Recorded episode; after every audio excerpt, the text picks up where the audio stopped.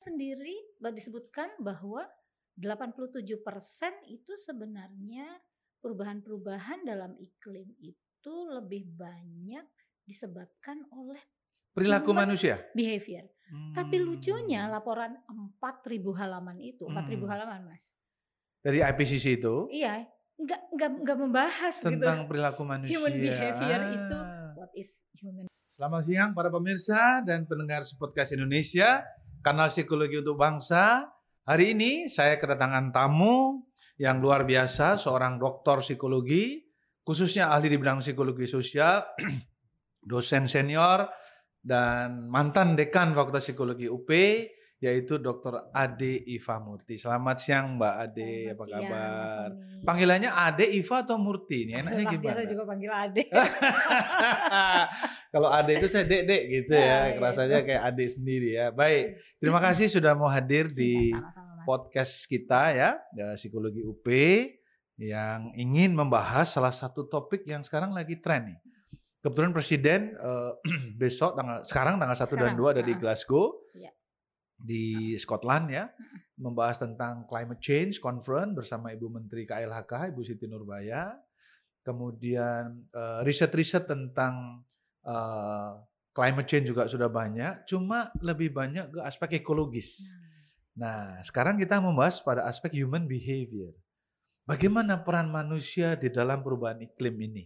Ya, Dr. Ade akan eh, bersama saya kurang lebih satu jam dengan isu tentang bagaimana mendorong manusia Indonesia untuk bisa berperilaku green. Ya, dari mana aspek-aspek intervensi sosialnya. Nah, kita akan membahas topik itu bersama Dr. Ade Iva dengan pertanyaan pertama Mbak Ade. Hmm. Kenapa sih tertarik dengan Green Society? Apa yang menjadikan Anda itu eh, apa namanya fokus Hmm, ataupun hmm. lebih tertarik pada Green eh, Society? Silakan. Sama-sama. Undangannya ke podcast kebanggaan kita semua. Ya, Fakultas makasih. Psikologi UP, uh, si podcast. Em, ini menurut saya prestasi yang luar biasa. Akhirnya kita bisa menyebarkan keilmuan kita ya Mas Hmm, hmm, kepada hmm. ke seluruh dunia. seluruh dunia. Oh iya ke seluruh dunia. Baik. Em, saya sangat tertarik dengan Green Society ini karena em, memang sebenarnya selain ini isu yang katanya dalam tanda kutip seksi gitu ya, Mm-mm. Tetapi sebenarnya memang data-datanya sudah sangat menunjang gitu Mhm. Mas Sony. Jadi kalau kita lihat data terakhir tahun 2020 dari IPCC, IPCC itu Mm-mm. Intergovernmental uh, Panel on Climate Change, Mm-mm. itu datanya bisa dibilang 90% tuh tentang hal-hal berbau fisika gitu. Artinya perubahan Hmm. cuaca gitu misalnya Mm. dari tahun 1807 sampai sekarang sekian persen naik eh, apa namanya Gas rumah kaca. Eh, gas rumah kaca sama Mm. derajat celcius dari suhu kita Suhu di dunia pemanasan ini, global. pemanasan global dan sebagainya Oke. dan disebutkan sendiri disebutkan bahwa 87% itu sebenarnya perubahan-perubahan dalam iklim itu lebih banyak disebabkan oleh Perilaku Human manusia. behavior. Tapi lucunya Hmm. laporan 4000 halaman itu, 4000 Hmm. halaman Mas. dari IPCC itu Iya, nggak nggak nggak membahas tentang gitu. perilaku manusia. Human behavior itu Ah. what is human behavior, Hmm, bagian hmm. mananya dari human behavior. Mm-mm. Terus what should we do? Gitu tuh enggak. Enggak Jadi dibahas. kan bingung gitu bacanya Iya, iya. 4000 kalau dibuka semua sama-sama rata-rata awalnya akan mengatakan misalnya perilaku manusia apa yang mempengaruhi contohnya adalah misalnya dengan bertambahnya manusia nih Mas. Mm-mm. Jumlah kita kan tambah banyak tambah Betul. banyak. Nah, kan berarti butuh makan, Ya. harus dimasak. Mm, butuh rumah tempat tinggal harus Betul, dibangun. butuh pakaian. butuh pakaian Hmm. dan sebagainya dan sebagainya. Itu semua kan manufacturing. menghasilkan karbon dioksida. Hmm. Betul. Di manufacture. Nah, manufacturing ini kan namanya menghasilkan ya segala CO2. itulah ya, Mm-mm. CO2 lah segala macam. Nah, jadi Mm. sebenarnya em, kalau menurut saya ada semacam pengabaian gitu dari Mm-mm. kebanyakan eh, para ahli Mm-mm. eh, non ilmu sosial, terutama Mm-mm. sains gitu, scientist bahwa em, meskipun human behavior acknowledge istilahnya diakui Kui. sebagai penyebab, Penyebab utama, utama. tapi Kenapa nggak dibahas lebih Nah, dalam? itu dia. Ya. Itu yang membuat saya berpikir terus kalau lihat penelitian-penelitian mereka yang dipakai itu konsep kita semua kan. Hmm. Konsep kita semua seperti misalnya uh, attitude, attitude, attribution, ya, apalagi ya, yang ya, gitu-gitulah ya, yang ya, ya. semua konsep. Nah, ini kan konsepnya kita nih, Hmm, konsep hmm. kami gitu, Hmm, konsep psikologi, kita istilahnya ya, ya. psikologi. Kenapa tidak membahas itu? Nah makanya saya sangat tertarik dan selalu mengatakan kepada mahasiswa, yuk sama-sama yuk bikin Hmm. penelitian mengenai itu. Banyak banget. Bagaimana minat mereka terhadap Nah, anak-anak memang muda nggak ini? Banyak banyak ya? Nggak banyak. Hmm. Karena mentoknya itu tadi, Mas Oni, bahwa kalau kita membicarakan eh, apa ya, human behavior, Behavior. gitu yang berpengaruh terhadap lingkungan, orang masih merasa bahwa itu bagian dari fisik gitu, fisika gitu kan. Padahal ilmu alam. ilmu alam, padahal kan Hmm. ini yang kita bicarakan adalah variabel ilmu sosial banget Hmm, banget pada hmm. tingkat eh, individu sampai ke masyarakat. Jadi seperti Hmm. itu. Itu yang membuat saya merasa bahwa em, dari semua sisi keilmuan di di psikologi, Hmm. tidak hanya dari psikologi sosial, tapi juga dari Hmm. uh, tubuh kembang, dari Hmm. uh, klinis maupun dari industri. uh, industri organisasi itu semua sebenarnya bukan hanya berhak tapi juga akan sangat baik kalau bicara tentang yuk melakukan perubahan Hmm. human behavior Hmm. gitu nggak bisa kontribusi ya, mereka Hmm, berkontribusi untuk nggak bisa sosial sendiri Oke, tubuh kembang itu justru misalnya sangat apa ya berpengaruh ya. strategis gitu untuk Hmm. ngomong itu kan karena tumbuh kembang bicara dari lifespan orang dari nol sampai meninggal sampai Hmm. meninggal. Nah ini kan berarti ada ada banyak sekali variabel tumbuh Hmm. kembang yang kita bisa bicarakan di sini bagaimana supaya orang nih dari kecil gitu jangan nanti Hmm. kayak kata Mas Wani gimana mau begitu orang Hmm. tuanya aja nggak bisa berubah. Hmm. Ya orang tuanya nggak bisa berubah karena itu we have to develop dari anak itu kecil bener kan gitu ya dari Hmm. anak itu kecil dia tahu bahwa dia harus menghormati lingkungan, dia harus Hmm. menjaga lingkungan. Hmm. Seperti itu misalnya. Belum lagi dari industri dan organisasi dan sebagainya. Jadi Hmm. dalam pandangan saya sebenarnya hmm, apalagi Mas ingat eh, Nobel Fisika tahun ini 2000 ya 2020 kan diberikannya Hmm. 2021 itu diterima oleh tiga orang ahli fisika yang melakukan penelitian mengenai climate change, climate change. bahwa climate change itu adalah scientifically proven. Ini kan masih Hmm. banyak yang nggak paham. Nggak- Kalau kita ingat zaman ah. dulu, zaman kemarin Presiden Trump nggak percaya Hmm. climate change kan. Kalau yang Hmm. sekarang kan Biden Memang percaya. sangat uh, Hmm. concern. Nah, tiga ini penerima ini melakukan proses uh, scientifically proof-nya Hmm. bagaimana ternyata itu uh, adalah perubahan yang uh, sangat mendasar, bisa dibuktikan secara ilmiah dan Oke. itu dipengaruhi oleh perilaku manusia. Gitu Lagi-lagi ya. perilaku manusia. Hmm, Oke. Nah, tetapi itu orang juga masih apa prioritas ya? Gitu. Iya betul. Memang perilaku manusia, tapi kan nggak signifikan, Hmm. eh, Bu Ade misalnya Iya, gitu kan. betul.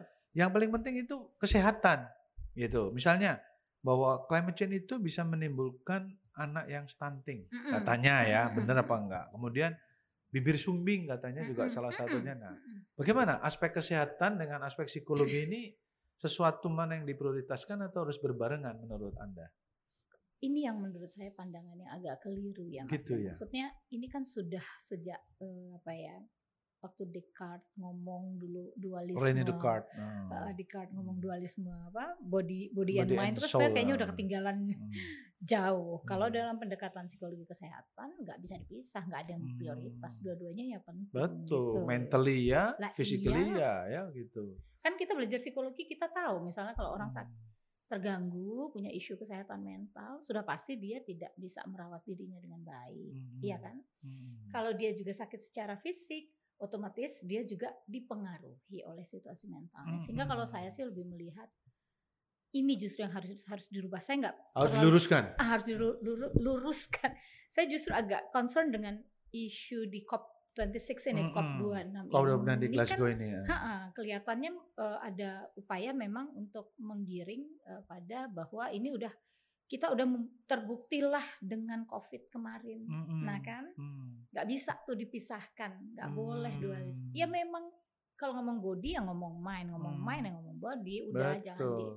Nah, jadi tolong juga perhatian terhadap aspek psikologis ini. Iya, itu Semua negara juga harus Itu concern. dia, betul. Nah, Presiden Jokowi mengusulkan sebuah protokol atau arsitektur kesehatan global. Iya, Nah, ini iya. kan penting ya.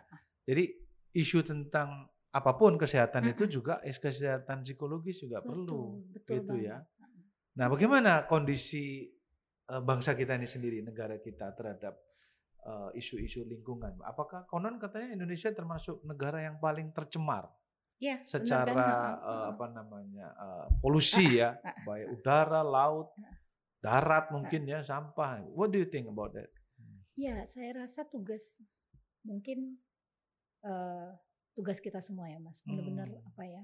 Berat ya ini. Apa PR-nya banyak banget hmm. gitu ya. Karena menurut saya ya nggak nggak menyalahkan siapa pun sih maksudnya yeah, yeah. kita tidak menyalahkan siapa pun faktanya lah ya fakta faktanya, kondisinya kita ya. kan masih memang mengutamakan pertumbuhan ekonomi I nah see. itu saya.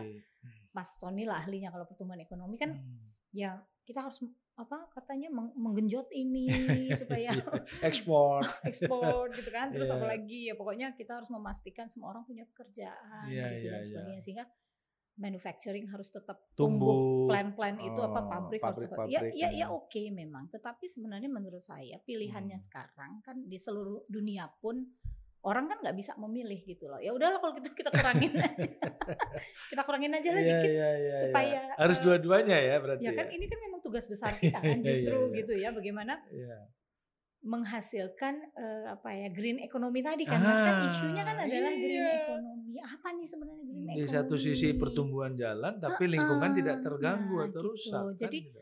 Um, kalau saya sih melihatnya bahwa sebenarnya kita udah cukup banyak orang yang sadar itu, tapi hmm. iya memang belum menjadi prioritas seperti I tadi see. dikatakan, belum menjadi prioritas. Artinya pokoknya orangnya makan dulu deh. Iya iya iya. Jadi Maslow itu basic need-nya dulu ya gitu ya. Dari koin-koin basic eh, need iya, aja enggak iya, iya. pindah-pindah. Enggak naik-naik kelas. iya iya iya. Gitu kan. Nah, Tapi gitu. kan kalau kita mau menjadi masyarakat yang uh, berkualitas ya seperti di hmm. Jepang hmm. ya gitu yang itu kan memang arahnya harus ke sana ya, Betul. harus ke green apa ya, green uh, produk, green purchasing dan sebagainya. Nah, itu gimana? masyarakat kita masih kondisinya masih, makanya masih... jadi gini saya mau kasih contoh yang sederhana aja kalau di Jepang tuh kan kebetulan saya waktu anak-anak kecil kan sempat di sana ngikut hmm. suami itu kan beberapa tahun sehingga merasakan sendiri uh, bahwa kalau masyarakatnya punya norms mas Sony uh, nilai-nilai uh, uh, nilai itu gampang banget ngajarin anak-anak. Hmm. Jadi contoh kecil aja, itu anak-anak di sana yang sekolah TK gitu uh. ya, itu memang dibiasakan untuk kamu jangan malu pakai barang bekas kakak kelas kamu. Hmm. Jadi justru dianjurkan. Justru dianjurkan. Jadi misalnya kayak hmm. nanti ada satu masa gitu orang tua yang anaknya udah mau tamat uh, gitu udah sebenarnya dia ngumpulin barang-barangnya terus dia bawa ke hmm. sekolah dia jajarin teman-teman itu juga sini ayo kita sama-sama hmm.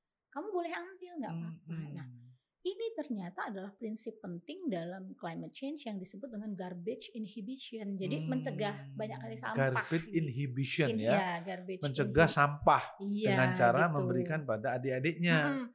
Nah, hmm. jadi nggak ada masalah gitu. Boleh, ibu boleh ambil. Ini orang memang termasuk buku-buku. Iya, iyalah semua. Nah, sementara kita kan baju. setiap tahun ganti kurikulum, ganti buku. Kalau nggak buku yang baru dicetak, nggak boleh gimana makanya. nah tapi kita juga punya norms loh mas. Misalnya ya. um, jangan pakai baju bekas orang. Iya. Kalau pakai baju bekas orang nanti iya nggak bisa gitu. apa. Iya iya ya mitos-mitos nah, seperti itu ya. nah, itu itu gitu itu harus dihapus juga dong ya. Harus jadi diiris ya. itu serius ternyata. Hmm. saya ngelihat ya gitu misalnya uh, ternyata tuh serius loh. Orang tuh kalau di luar negeri itu Jepang Korea hmm. Amerika gitu ya, gengsinya nggak ada ya? Maksudnya mereka terima lungsuran pun ya, oke okay ya. Kalau kita kok masih ada hmm, urusan gengsi. Gengsi gitu. Ya. atau Nah, kenapa ya itu? Ya itu makanya kalau menurut itu saya, ada kearifan lokal juga nggak? Iya, hmm. saya sih hmm. melihatnya dua. Kalau dari sisi psikologis ya memang mungkin pembentukan sikap kita sejak awal kali yeah, memang yeah. itulah. Jadi selalu negatif dengan barang bekas orang yeah, gitu kan gitu. Nah kalau um, dari sisi sosiologisnya mungkin hmm ya norma itu tadi mas. Iya kan? itu berat itu ya? Berat. Mengubah Maka, norma itu ya? Nah, makanya kalau saya sih bilangnya ya ini dikeroyok rame-rame lah oleh ilmu hmm. sosial persoalan hmm. ini gitu nggak bisa tapi kan regulasi juga harus dibentuk supaya kenapa? Gimana? regulasi atau nah, peraturan law enforcement kan juga harus betul, ke arah sana toh ke green behavior toh. Kalau misalnya Contoh hari ini sampah apa mm. kantong plastik kita sudah nggak pakai ya kan kalau pakai kalau harus bayar atau bayar. Nah itu kan juga regulasi betul, kan. Betul. Nah dalam kerangka green behavior atau green society itu kira-kira apa yang mesti diintervensi nih, uh, Dokter Ade? Ya itu tadi uh, kalau dalam pandangan saya memang intervensinya panjang ya mas dalam arti berlayer-layer iya, gitu ya, struktural berlayer-layer gitu dan panjang tidak tidak selesai jreng gitu tuh nggak nggak bisa one shoot lah ya one shoot gitu nggak bisa menurut saya dan Hmm.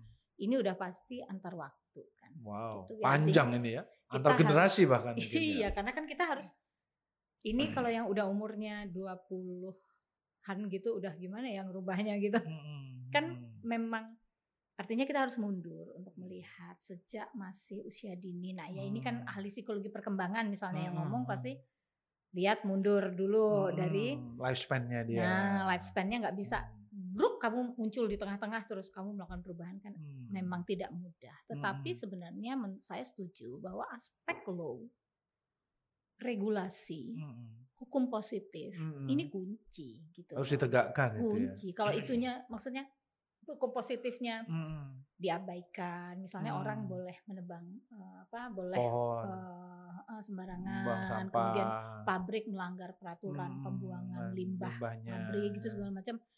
Asal ada duit dan koneksi, Hmm, terus gue selamat gitu hmm. misalnya, ya nggak masyarakat kan selesai-selesai belajar kan, Iya, gitu. iya. Nah, orang kemudian Hmm. belajar untuk oh jadi boleh ya gitu. Nah Hmm. jadi menurut saya memang regulasi ini kemudian menjadi kunci untuk memastikan bahwa semua orang itu mengambil peran. Kalau pandangan saya loh Mm-mm. mas, gitu. Jadi itu sebenarnya kan itu semua tapi kan harus peran. ada uh, PIC-nya Nah, nggak bisa tanggung jawab semua lu siapa Iya, dong yang itu berarti tetap pemerintah ya ya dalam ini sebenarnya sih leading mestinya kan sektornya pemerintah. pemerintah, ya Tapi DPR juga harus nggak tahu ya Berkontribusi. sebagai apa politisi penyelenggara negara penyelenggara undang-undang kan Mm-mm. mestinya juga sangat concern mengenai hal ini dan Hmm. memastikan bahwa uh, pemerintah serius. Mm-mm. Kalau pandangan saya seperti itu Iya, gitu. iya, iya. Sedangkan kita kan kalau kita nih ilmuwan kita bisa mulai dari individu, apalagi kita psikologi, Hmm. kita mulai dari Hmm. individu, bicara uh, apa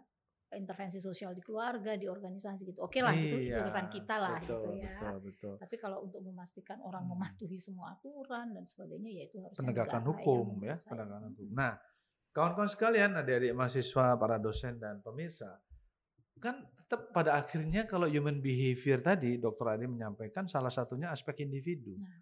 padahal kan ya kalau individu lama juga Iya. betul. Sehingga kalau ada pendekatan lain, misalnya dalam bisnis psikologi ada pendekatan ITEOS, Mm-mm, ITOS, mm-mm. ITOS ya, eh, Mbak Ade ya. Mm-mm. Individu oke, Individu tapi oke. individu kalau dalam kelompok juga Mm-mm. dia tidak menyatu atau satu persepsi juga susah. Mm-mm. Ya kan? Kemudian di pada level organizational level, betul. kebijakan-kebijakannya mengarah ke green nggak gitu ya. Betul. Dan society sendiri ya, negara sebagainya. Jadi ITOS. Nah, gimana intervensi di masing-masing level itu yang konon harus struktural menurut Iya, Dokter Ade? Gimana memang tuh? Memang dalam teori social intervention disebutkan bahwa perubahan social intervention itu kan perubahan eh, strategi perubahan terencana gitu. Jadi nah kalau disebut strategi perubahan terencana memang berarti di semua layer yang tadi Mas Soni sebut dengan ITOS itu berarti harus di Intervensi. eh, intervensi. Oh. Tapi kalau saya nggak melihatnya berlayer juga ya Mas. Artinya saya kembali menekankan memang regulasi ini mestinya udah muncul regulasi duluan, ma- udah bisa ke empat-empatnya Ah, ini. ah, jadi regulasi ini Oh. udah udah udah bunyi Paripurna duluan, gitu ya. bahwa orang-orang memang udah apa ya istilahnya taat dan sebagainya Ah, gitu ya kan itu takut untuk ah, melanggar ah, hukum. takut gitu. Sementara kan kalau kita kayaknya buat ini aja mas susah banget eh, memilah sampah coba deh. Iya, organik non organik. non organik atau kan biasanya ada tuh kadang-kadang di berbagai tempat hotel atau rumah sakit apa itu Oh. dibagi tiga tuh gitu ada yang dibagi empat yang Hmm. non organik segala macam Malah tempat Orang sampahnya diambil. tempat dia sampahnya yang diangkut. nah itu dia atau dia buang sampah dia sembarangan aja plung gitu Iya, sementara iya, iya. itu kan filosofinya sangat eh, ini apa sangat penting bahwa Hmm. orang harus paham menghasilkan sampah apa jadi kamu juga nggak Ah. Nggak sembarangan dan kamu tanggung jawab Iya, loh mikir gitu, gitu ya. mikir no. bukan kamu plung Iya, gitu iya, doang iya. gitu Bahkan di atas mobil yang mewah ya, nah tapi perilakunya masih Nah. seperti itu ya kadang-kadang nah, ya. gitu. Nah, jadi itu menurut saya memang mestinya eh, itu duluan memang menjadi sesuatu yang apa ya apa sih istilahnya mas ya orang memang patuh orang akhirnya comply ah, obey the law ah. ya karena mereka tahu kalau mereka nggak obey the law ntar masuk penjara iya, gak, apa penegakan kena- hukum ya, Hmm, penegakan hukum ya. gitu. Nah, kalau kita mulai dari Hmm. individu, kalau menurut saya, yaitu tadi kita yang agak miss adalah uh, saya maaf maaf aja nih menurut saya bukan Hmm. menyinggung satu agama atau mana pun, tapi menurut saya ini semua agama juga sama bahwa kebanyakan pendidikan anak usia sekolah misalnya tidak dibebani atau tidak diberikan kurikulum mengenai lingkungan hampir nggak ada. Lihat aja PAUD-PAUD. Iya, iya, iya. Cuma nanti kita bisa diprotes sama ini. Tapi menurut saya Hmm. PAUD is a very good concept and I agree with that 1000% gitu ya. Hmm. Oke lah, kita dukung. Apalagi kita belajar di psikologi, ya kita pasti Hmm. dukung. Karena kita tahu betul PAUD itu menentukan. Tapi apakah kurikulum PAUD misalnya Sudah load memasukkan muatan-muatan muatan tentang environment. lingkungan, environment, bagaimana kamu bisa Belum ya itu. Mau perguruan tinggi aja belum. Gimana? Jauh, ngomongnya jauh banget ini Iya. berarti. Oh, iya, iya. Nah, gitu. Berarti masuk di kurikulum ya, di Ya, kebijakan gitu kan, ya. dari kebijakan. kecil, dari kan Hmm. pendidikan mana yang paling berpengaruh kan kita pasti tahu usia Anak-anak. dini Hmm. itulah gitu. Kalau udah di Hmm. atas tuh kan udah tinggal Iya, rekayasa iya. yang lebih mudah. Tapi Nah, harusnya hmm, Pak Menteri Nadiem denger ya ini ya. Iya, karena ini kan masalah serius, mengenai masa betul, depan bangsa. Betul, betul. Bahwa uh, environment itu tempat uh, habitus kita hidup Itu. itu, kalau rusak ya lah bangsanya kita kan jadi udah ngerasain baru Iya. hujan sebentar, hmm, banjir ya. kan? banjir, Iya. sampah di mana-mana dan Nah, sebagainya. Maksudnya itu bukan itu. sesuatu yang jauh loh dari hidup kita. Iya, gitu. iya. Itu Di Jakarta yang- ya, nggak usah Betul, jauh-jauh. nggak usah jauh-jauh gitu. Mm-mm. Nah, jadi kalau saya melihatnya itu Mas, yang di I tadi, yang Mm-mm, di individu apa, level. individu itu, ini justru PR-PR-nya, PR-nya para ilmuwan psikologi, para psikolog ini Hmm. besar sekali gitu. Mindsetnya Main- ini ya. Bagaimana kita bisa menyentuh berbagai komunitas gitu, Hmm. menyentuh sekolah, siswa dan sebagainya. Psikoedukasi Nah, gitu ya.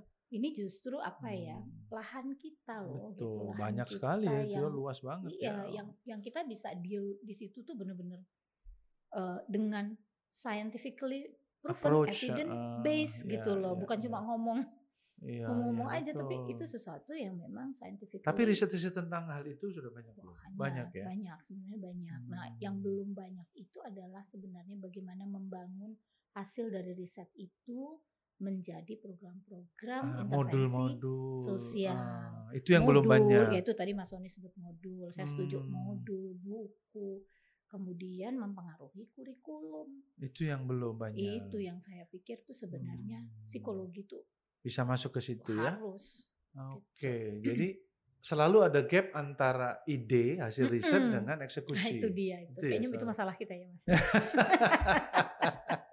Masalah selama lamanya itu ya Masalah, gap, ada gap riset, ada gap teori Ah, ya. itu, itu nggak usah dibicarain. Iya, ya, iya, iya. muter-muter di situ aja. Kalau misalnya di masing-masing level tadi ITOS tadi, Hmm. kalau diminta kita menyiapkan program intervensinya sudah kebayang belum? Sudah Dokter. Ade, Karena menurut saya begini. Contoh aja nih anak-anak kita nih Mm-mm. di mana? Di Fakultas Psikologi UP itu kan kita berikan eh, dari mulai psikologi umum, psikologi sosial, perkembangan dan sebagainya itu Ah. kita, kita kan memberikan mereka konsep dasar. Konsep dasar tentang bagaimana kamu memahami manusia satu, Betul. kemudian bagaimana kamu bisa merubah manusia. Betul. Jadi maksudnya itu bukan sesuatu yang Sulit. Kita mesti Hmm. cari lagi nih konsepnya. Hmm. Gak usah duduk aja kita Iya, dari betul. situ bahkan mahasiswa selama dia sudah mengambil ya yang dasar-dasar Hmm, hmm, kecabangan bisa cabang ya. psikologi sebenarnya dia sudah bisa untuk meli- Hmm. melihat kira-kira dari mana nih kita bisa Memulai.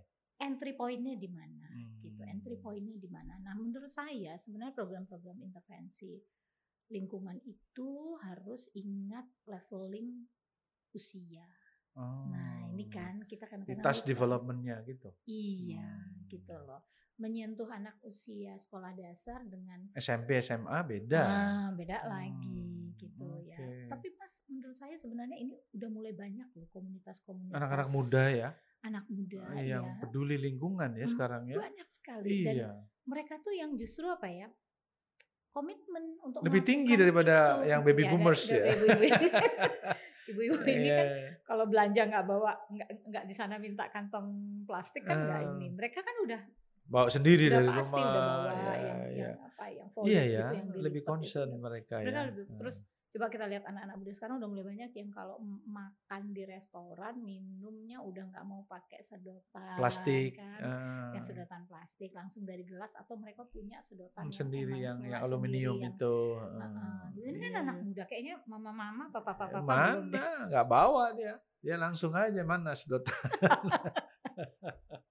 betul Iya, banget. iya, jadi iya. ini kan perubahan perilaku mas jadi Iya, menurut saya iya. ya itu sebenarnya Jadi pendidikan oke, kurikulum oke. mm-mm. Nah, lalu untuk di organisasi dan society gimana nih Nah intervensinya ini, ini? tadi kan kita udah bicara regulasi. Kalau di Hmm. organisasi menurut saya memang barangkali mulai dengan boleh nggak sih mas kalau ya mas Sony soalnya ahli psikologi, Hmm. psikologi bisnis. Kalau saya mengatakan bahwa bisnis organisasi kita, organi, apa Hmm. organisasi bisnis kita harus mulai merubah visi misinya untuk peduli pada lingkungan. Hmm, gitu. Ya, ya, menghasilkan produk atau iya. jasa yang peduli lingkungan. Dan iya kita eh, mau cari untung, masa iya bisnis nggak cari untung Iya, gitu iya. ya? kalau nggak nggak sustain juga iya, dia. tapi maksudnya sekarang mindsetnya adalah sustainability economy, green Ah. economy, bener nggak Iya, gitu iya, ya? iya, Jadi iya. green economy itu ya mau kamu bidangnya ventura kayak kamu mau Hmm, mau plan manufaktur, atau kamu, ah, manufaktur dan sebagainya atau perdagangan.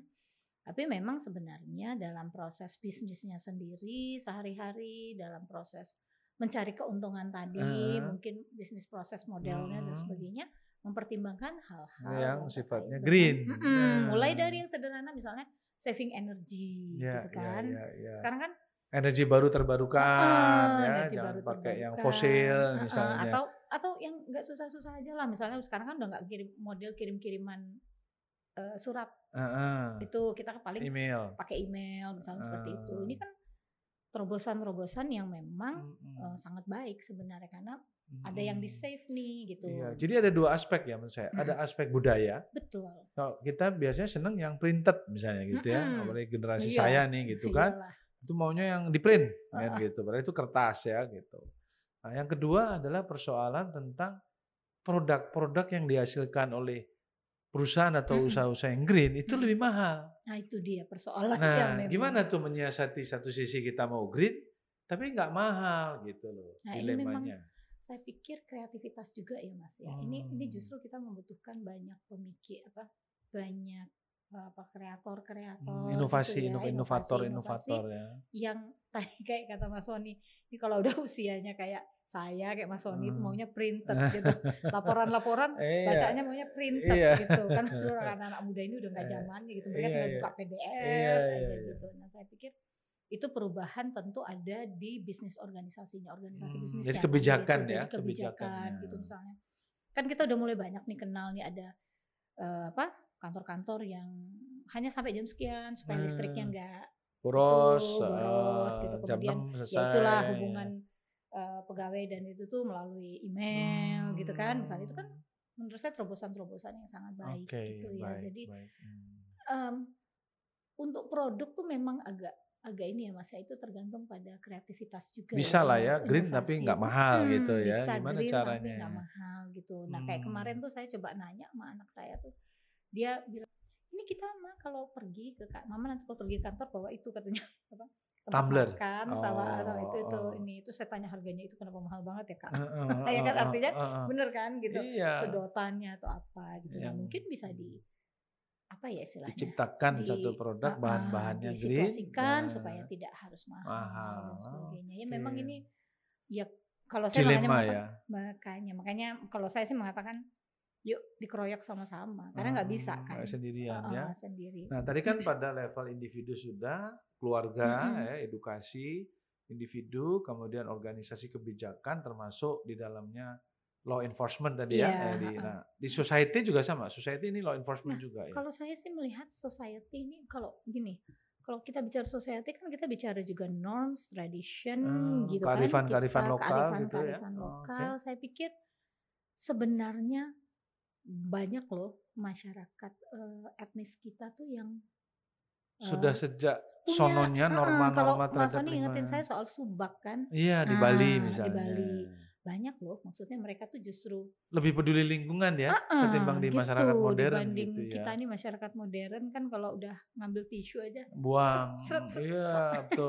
Iya, iya, iya, iya, iya. Itu benar, benar, mereka benar. kan justru banyak sekali Hmm. menurut saya masyarakat lokal kita yang punya kearifan Hmm, dan lokal. eh, kejeniusan lokal, Lokal yang yang, mereka bisa justru bisa mendukung. mendukung. Nah, itu menurut saya Hmm. tradisi-tradisi yang justru harus diteruskan. Nah, Contohnya kayak misalnya kalau di Jawa ya kalau orang bertanam padi, Mm-mm. kemudian ada acara seserahan buat Dewi Sri. Itu kan sebenarnya Mm-mm. menghormati lingkungan. Hmm. Iya, kan? iya, gitu loh, iya. bahwa orang mengharapkan agar udaranya tetap bagus, Hmm. airnya tetap bagus, jadi padi tumbuh Hmm, bagus gitu kan. Itu kan hmm. semacam keseimbangan dengan lingkungan seimbangan ya. gitu bahwa ya kamu boleh lah Hmm. nanem banyak cari untung tuh boleh, tapi nggak Hmm, gitu-gitu ya, juga gitu. Kamu itu ya. mikirin environment Nah, ya, gitu. ya, Jadi ya, menurut ya. saya sih sebenarnya mungkin itu dan Hmm. eh, apa di tengah masyarakat semakin kita bisa melihat gitu mengidentifikasi oh ini adalah kearifan-kearifan yang bisa Lokal, kita bisa, teruskan iya. menurut saya itu kan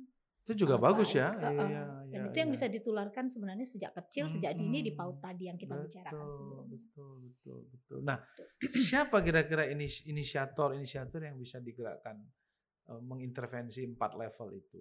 Apakah dosen, perguruan tinggi, mahasiswa atau mulainya dari mana nih? Kalau pemerintah sih udah pasti ya Mas. Pemerintah Oh, kan DPR komit, itu sih komit, udah eh, udah nggak usah dibicarakan ya, lagi lah ya. Apalagi kalau DPR kan mereka adalah lembaga yang menghasilkan legislasi nasional gitu kan ya. Jadi itu udah nggak usah dibicarakan lagi. Tetapi Hmm. sebenarnya kalau United Nations kemarin ketika membicarakan eh, mengenai kesehatan mental dan sebagainya, ada satu unsur yang sangat eh, ditekankan oleh banyak program di Perserikatan Bangsa-Bangsa adalah komunitas. komunitas. Ini nih, Ah. jadi komunitas itu sekarang menjadi tumpuan banyak sekali program-program yang civil diharapkan. society ya berarti Ah, ya. gitu. Ini komunitas-komunitasnya kan bisa komunitas yang karena seminar misalnya Hmm. sepeda gitu Iya, iya, iya. atau Hobi ya. ah, atau hobi gitu atau Hmm. komunitas-komunitas yang sifatnya memperjuangkan sesuatu misalnya Oke.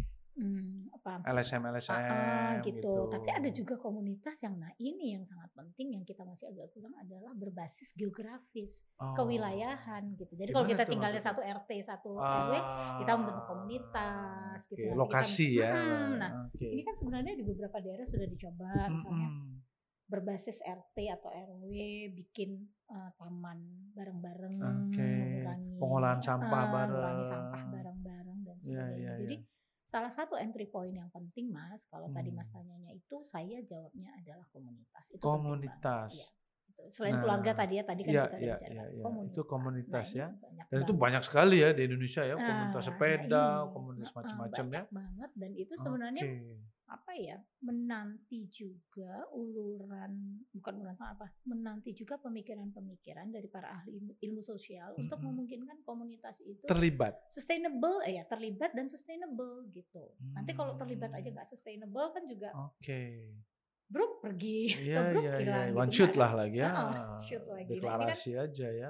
oke yuk terus Berkelanjutan. sedikit-sedikit tapi tetap Tapi kan itu butuh dana. Maksudnya Nah, ya butuh ini, apa pun kan. saya kalau dana nggak ngerti. Iya kan, kalau mau sustain ya harus ada Iya, duitnya kan betul, gitu. betul. Gimana Nah, ini saya nih? justru mau nanya kalau dana itu kalau dengan otda seperti sekarang tuh di mana? Iya, saya kira tadi Di mana? komitmen pimpinan dalam uh, APBD-nya. Hmm, Kan nah, kalau pemimpin ya harus komit kan harus dianggarkan. Nah, iya, iya, iya. Seringkali kita hanya komit hanya di ucapan. Ah, Tapi iya, iya, begitu iya. lihat dibuka Betul, di betul, cash betul, flow-nya betul, atau di betul. program Ha, ha, ha. nggak ada. Nah itu itu. Nah, negara juga sama. Kalau nggak ada ABBN-nya itu tentang Mm-mm, itu, ah bohong aja deh dia. Nah ya itu itu Iya mas. kan? Itu dia. Ah. Itu dia akhirnya larinya ke sana kan. Iya iya iya, komitmen. Komitmen. Komitmen.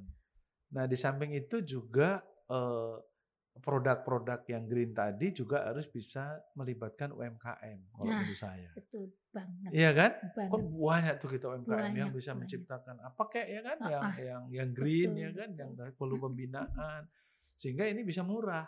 Betul. Kalau betul. kalau orang kan sekarang beli barang yang green lebih mahal daripada yang nggak green. banget, Ya sangat kan? sangat mahal. Ya tadi bisnis prosesnya, Iya, iya. teknologinya. Nah, kalau UMKM kan mungkin Dia bisa lebih murah kan Betul, gitu. betul, betul. Tumbler dari bambu misalnya ya. Contohnya itu mas, eh, apa kertas daur ulang itu, ya Allah Ah, mahal. ternyata ya. Iya, gitu iya, loh, kertas iya, daur iya. ulang tuh kan banyak nih udah mulai tuh saya dengar ada komunitas-komunitas di Jogja atau di mana tuh mulai mikirin Ah. mau bikin kertas daur ulang tapi harganya bisa terjangkau Ah, gitu. Nah ini kan see. sebenarnya, nah saya sih justru gini loh mas kalau menurut saya, saya nggak paham politik lah ya, tapi Mm-mm. Otda ini dengan ada otonomi daerah ini mestinya di tingkat kabupaten kota itu Mm. wali kota, bupati itu bener-bener menjadi apa ya? role model. Nah ini yang Hmm. paling paling kunci kalau dia Ya, bisa ya. nyiptain program-program atau Sebenarnya sudah ada loh, pokoknya Gitu. Kalpataru gitu ya, kemudian Hmm, apa yang hmm, sifatnya award-award dari Mm-mm, Kementerian Lingkungan Hidup dan Kehutanan ya untuk mendorong para betul uh, bupati wali kota itu untuk untuk uh, eh, uh, berperilaku apa masyarakatnya didorong untuk untuk, dia mendorong iya. masyarakatnya Green uh, behavior green tadi itu sudah. Iya, Cuma memang itu tadi 60% sampah kita itu terkelola dengan baik. Hmm. Tetapi 40 persennya masih belum. banget.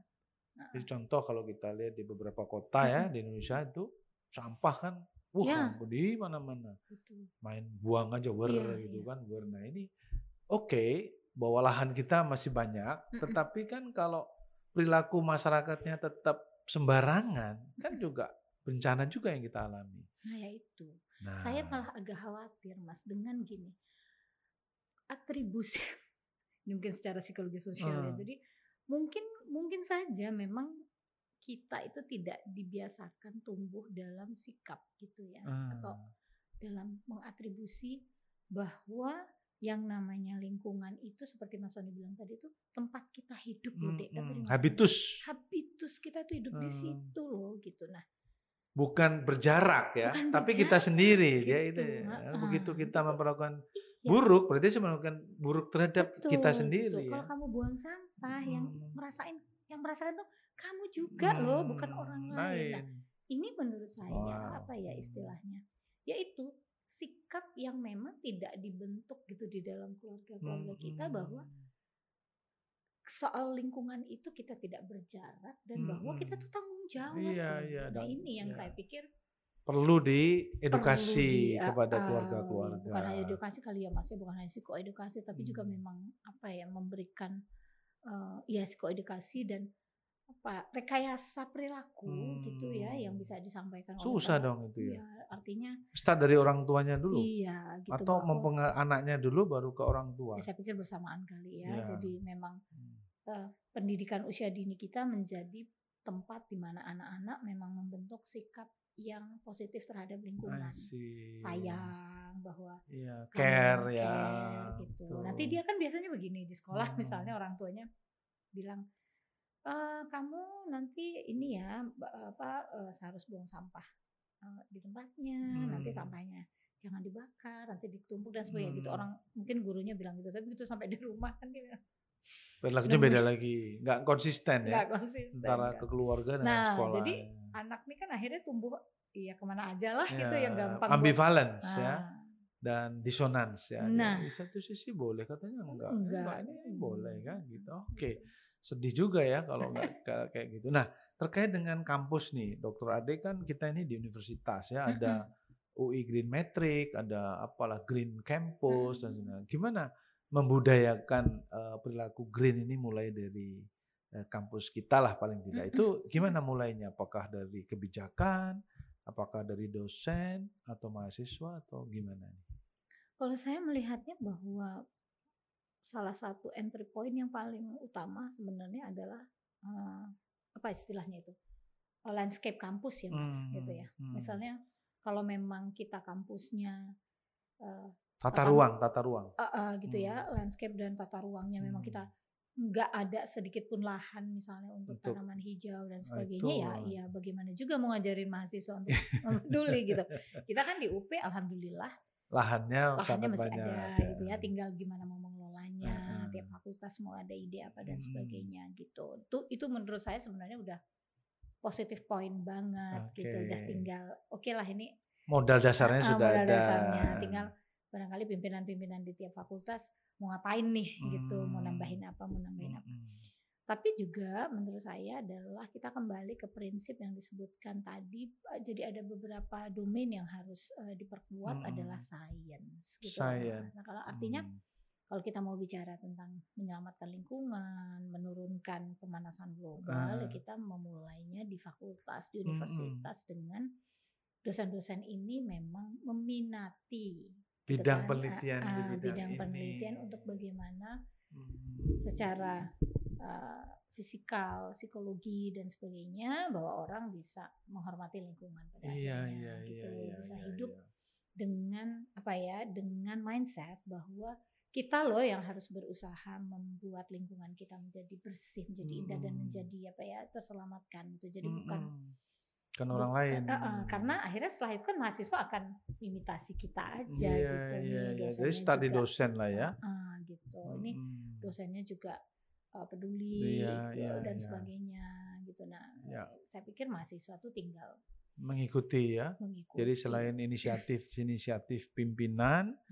Juga bagaimana riset-riset terkait Nah, dengan ini didorong gitu betul. ya. betul banget. Oke, nah kalau di psikologi UP sendiri sih saya kebetulan sebagai dekan sangat mendorong itu Ya. ya bahwa uh, behavior rumusnya kan menurut. Kurt Lewin kan is a function Iya. of person and environment. Iya, betul. Ya Udah kunci itu iya. kan itu nah kita kuncinya. jangan person dulu yang di Iya. utak atik nih. makanya. Perlu, tapi environment juga. Iya, itu dia. Iya kan? Nah Betul. ini yang kita dorong. Salah satunya adalah ada green attitude, ya, Ya. kemudian green uh, intention behavior, lalu ada uh, perceived policy sustainability, ya, ada betul. green green strategy. Nah, kalau dari aspek sosiologi atau sosial, kira-kira misalnya nih kita ke Jatiluhur, di sana ada bendungan, di sana banyak sekali eceng gondok yang menghambat uh, aliran air Hmm. untuk sana. Nah itu kan masalah lingkungan juga. Ya. Nah kira-kira mahasiswa kita bisa didorong ke sana untuk melakukan riset nggak? Bu Saya Ade? pikir justru sebenarnya yang sangat kurang kita dorong tuh ya kita harus akui bukan bukan cuma UP ya. Ah, semua lah ya. Fakultas psikologi di Hmm. seluruh Indonesia itu adalah riset-riset yang memang bersentuhan langsung dengan lingkungan dan masyarakat. Saya pikir justru justru itu Iya, salah itu masa satu depan ya. Itu, betul, itu masa betul depan. sekali. Dan kalau kalau kita lihat sekarang teknologi ter- yang terbaru dan sebagainya, orang tidak bisa lagi melepaskan diri dari kepeduliannya terhadap lingkungan, kan Iya, begitu. Artinya iya. masyarakat uh, mahasiswa kita ini benar-benar harus diajak sebenarnya untuk dia Mm-mm. langsung melihat Terjun bagaimana betul, pentingnya gitu, melihat lingkungan. lingkungannya dan Iya, sebagainya. iya, iya. iya. Apalagi yang anak-anak kita yang sudah Hmm. dibekali dengan konsep-konsep psikologi. psikologi Iya, gitu kan iya, mereka iya. lebih mudah untuk memahami oh ini harus dibawa Hmm. ke mana oh ini harus psikoedukasinya seperti Iya, apa gitu betul, misalnya betul, gitu kalau betul. pandangan saya sih kita itu justru nggak ada hambatannya kenapa karena Heeh. kita udah bergerak dari konsep itu sejak mereka Hmm, masuk kan itu yang betul, kita berikan dibicarakan ya. Oke. gitu. Nah, bagaimana memulai agar start dosen-dosen ini juga tertarik selain insentif mungkin ya? Apa nih, eh, Dokter Ade? Apakah perlu semacam workshop atau ya apa mungkin tentang itu ya nanti pada akhirnya saya nggak paham kalau seminar-seminar, apakah nah. harus misalnya harus pakai uh, wadah atau organisasi sebenarnya bukan wadah atau organisasi dulu Iya, minat aktivitasnya, dulu iya gitu, betul, heeh, minat gitu. dan aktivitasnya workshop apa? gitu Iya. misalnya oke ada kita dalam satu tahun ini ada riset-riset kita akan buka peluang misalnya gitu Mas Sony sebagai Mm-mm. pimpinan buka peluang gitu mungkin untuk Hmm. riset-riset yang terkait dengan kesadaran lingkungan Iya, iya, gitu iya. nah nanti siapa yang tertarik di situ bisa ikut sumbang saran Hmm. tapi setelah itu itu yang menurut saya kita selalu kurang gap Hmm. tadi yang sudah kita sepakati adalah dari hasil penelitiannya terus gimana dong ditarik ke Hmm. intervensi Sosialnya, itu tuh mas itu, yang dalam eh, pandangan saya Itu problem statementnya itu ya. Oh. gimana nih caranya Hmm. penelitian penelitiannya misalnya nanti udah banyak mas Sony bikin saya bikin dan semua terus mau ditarik nih Mm-mm. nah seperti apa itu implementasinya ya. Nah, Kalau sudah bicara intervensi sosial, pandangan saya, Mas Sony, ya nggak bisa apa ya skalanya memang langsung besar. Mm-mm. Nah, Start modelnya kan pasti kayak prototip, prototip, small gitu iya, ya, iya. prototype. Nah, tapi justru dari situ kita akan learn something. Jadi ada Mm-mm. kayak hikmahnya, lesson learn-nya untuk Hmm. kita belajar dari situ. Nanti bisa diterapkan ke yang lebih domain luas, yang lebih luas. Ya, Jadi ya, memang setuju. fakultas bergeraknya Hmm. memang dari domain yang kecil dulu gitu. Karena tadi ada Hmm. IT OS, OS itu ya, ya, ya. mungkin hasil-hasil penelitian kita bisa mulai kita terapkan dari mulai keluarga, organisasi gitu. Gimana Mm-mm. sih misalnya mendorong perusahaan gitu untuk peduli pada lingkungan. Ini kan Mm-mm. hal-hal yang kita nggak tahu ini kita duduk Iya, sama-sama nih yuk iya, ngomongin iya, gitu iya. ada hasil penelitiannya kayak gini Mm, Yuk mm, kita sama-sama good. tarik ke lahan intervensi Hmm. sosial itu sih sebenarnya Jadi dari aspek sains tadi, yang tadi itu sebagai kontribusi perguruan Mm. tinggi, mungkin implementasinya membuat semacam pusat kajian bisa, tentang climate change bisa. gitu bisa ya Hmm, gitu bisa, mulai atau isu-isu tentang Atau, climate change mm, atau penelitian payung mungkin ya. penelitian payung lah Ya. kalau kalau pusat kajian Hmm, atau apa misalnya terlalu berat penelitian ya. payung Iya, aja iya, juga udah iya. menurut saya Hmm. asal jelas bahwa komitmen pimpinan juga Mm-mm. untuk memastikan nanti kalau udah ada hasilnya Bisa diurut yuk ke intervensi ditarik sosialnya. bikin Iya, iya. intervensi sosialnya karena menurut saya Setuju. Kebanyakan dari hasil-hasil studi itu memang tidak ditarik ke arah intervensi sosial sehingga Hmm. ya padahal hasilnya sangat baik Iya, cuman gitu. diperpus aja jadinya ya. nah itu itu gitu. dia gap itu selalu ya. gapnya besar terjadi. sekali Baik, gitu. padahal baik. itulah sebenarnya kunci Ini Nah, kesuksesan intervensi Iya. tadi ya. Ini cukup menarik ya teman-teman sekalian, para dosen, para pemirsa, para mahasiswa, kita sangat serius ini menghadapi eh, lingkungan ke depan kita karena itu habitus kita. hmm. Nah, menurut eh, Dr. Ade Iva. Nah, kalau gitu pesan-pesannya nih apa nih Mbak Ade sebagai closing statement kepada dosen, Hmm. kepada mahasiswa, semua ya Mm-mm. supaya juga peduli terhadap hal-hal yang sekarang sedang kita bicarakan yaitu soal green society, green behavior dan environmental psychology.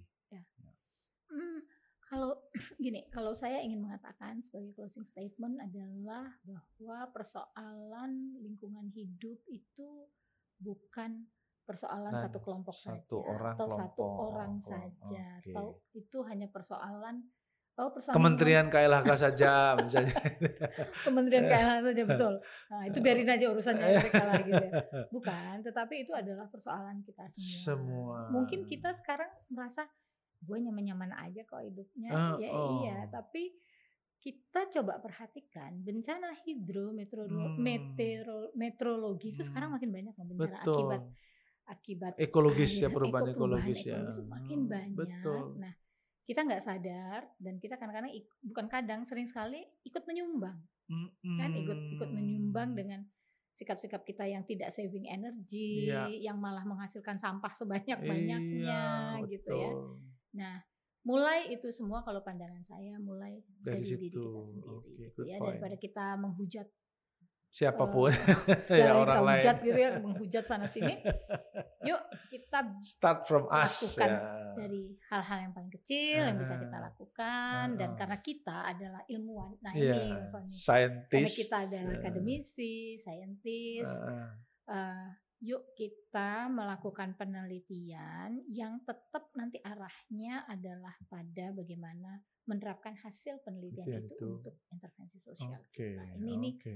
ini tantangan kita sebagai akademisi. Iya, iya, iya. Nah, itu kalau komitmen pimpinan sih eh, disiapkan anggaran Insya ya, Allah. semua ada.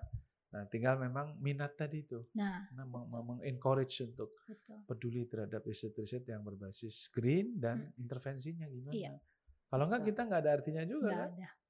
Nggak ada impact Nggak ya ada. kan. Knowledge bagus ya Mm-mm. kan. Pengetahuan bagus, tapi Bagus. impactnya nggak ada. Ada. Bahkan sampai harusnya ke policy making, Nah itu. ya kan? Iya. Bagaimana riset-riset psikologi bisa mendorong atau menyumbang pada kebijakan lingkungan, kan gitu. Setuju ya? eh, Justru kita mesti bikin riset-riset itu karena kalau kita nanti ngasih rekomendasi itu Mm-mm. benar-benar scientifically based. betul. Ada gitu. naskah akademik. evidence based, Ah, ada ya. naskah akademiknya, sesuatu yang Iya. emang oh iya ya gitu. Itu dia. Itu Itu yang bisa ya kita kerjakan ya, Dr. Harus ya? bisa lah itu. Oke, Bikin payung kita- paling enggak gitu. Kita ya. tunggu tuh proposalnya Dr. Ade Iva ya kan? Terima Ya, kasih. setuju ya kita teman-teman ya, kita tunggu ya Mbak Ade ini untuk Iya, menyusun oke. sebuah konsep eh, dari Fakultas Psikologi UP untuk kita sumbangkan Ya, kepada eh, pemerintah Iya. ya terkait itu misalnya KLHK atau kementerian-kementerian lain yang terkait untuk kebijakan apa sih yang terkait dengan human behavior ya, yang dia, mendukung Betul. green eh, society tadi. Itu ya. Betul sekali. Terima kasih Sama-sama, Mbak Ade Bang ya udah mau datang di podcast kita. Eh, kita udah lama nggak ketemu ya. Kita lumayan nih satu jam lebih. Terima kasih atas kehadirannya Eh, kawan-kawan sekalian. Terima kasih Mas Erwan, Terima ya, kasih. Mas Topik, Mas Brian. Eh, semoga bermanfaat untuk kita semua dan kita tindak lanjuti mulai dari diri kita bahwa kita harus memberi contoh untuk berperilaku lebih pro lingkungan. Iya. Terima kasih, sampai ketemu. Salam Pancasila, merdeka. Merdeka.